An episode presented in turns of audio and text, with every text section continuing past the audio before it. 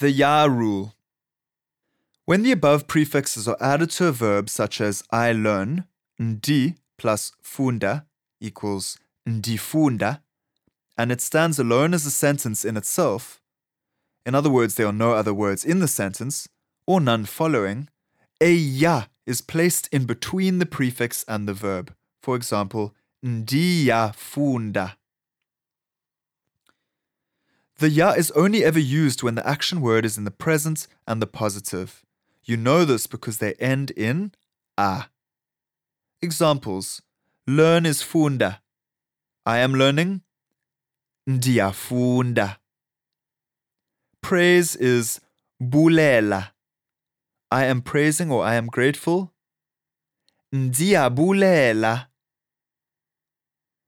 Go home. Goduka. I am going home. Ndiyagoduka.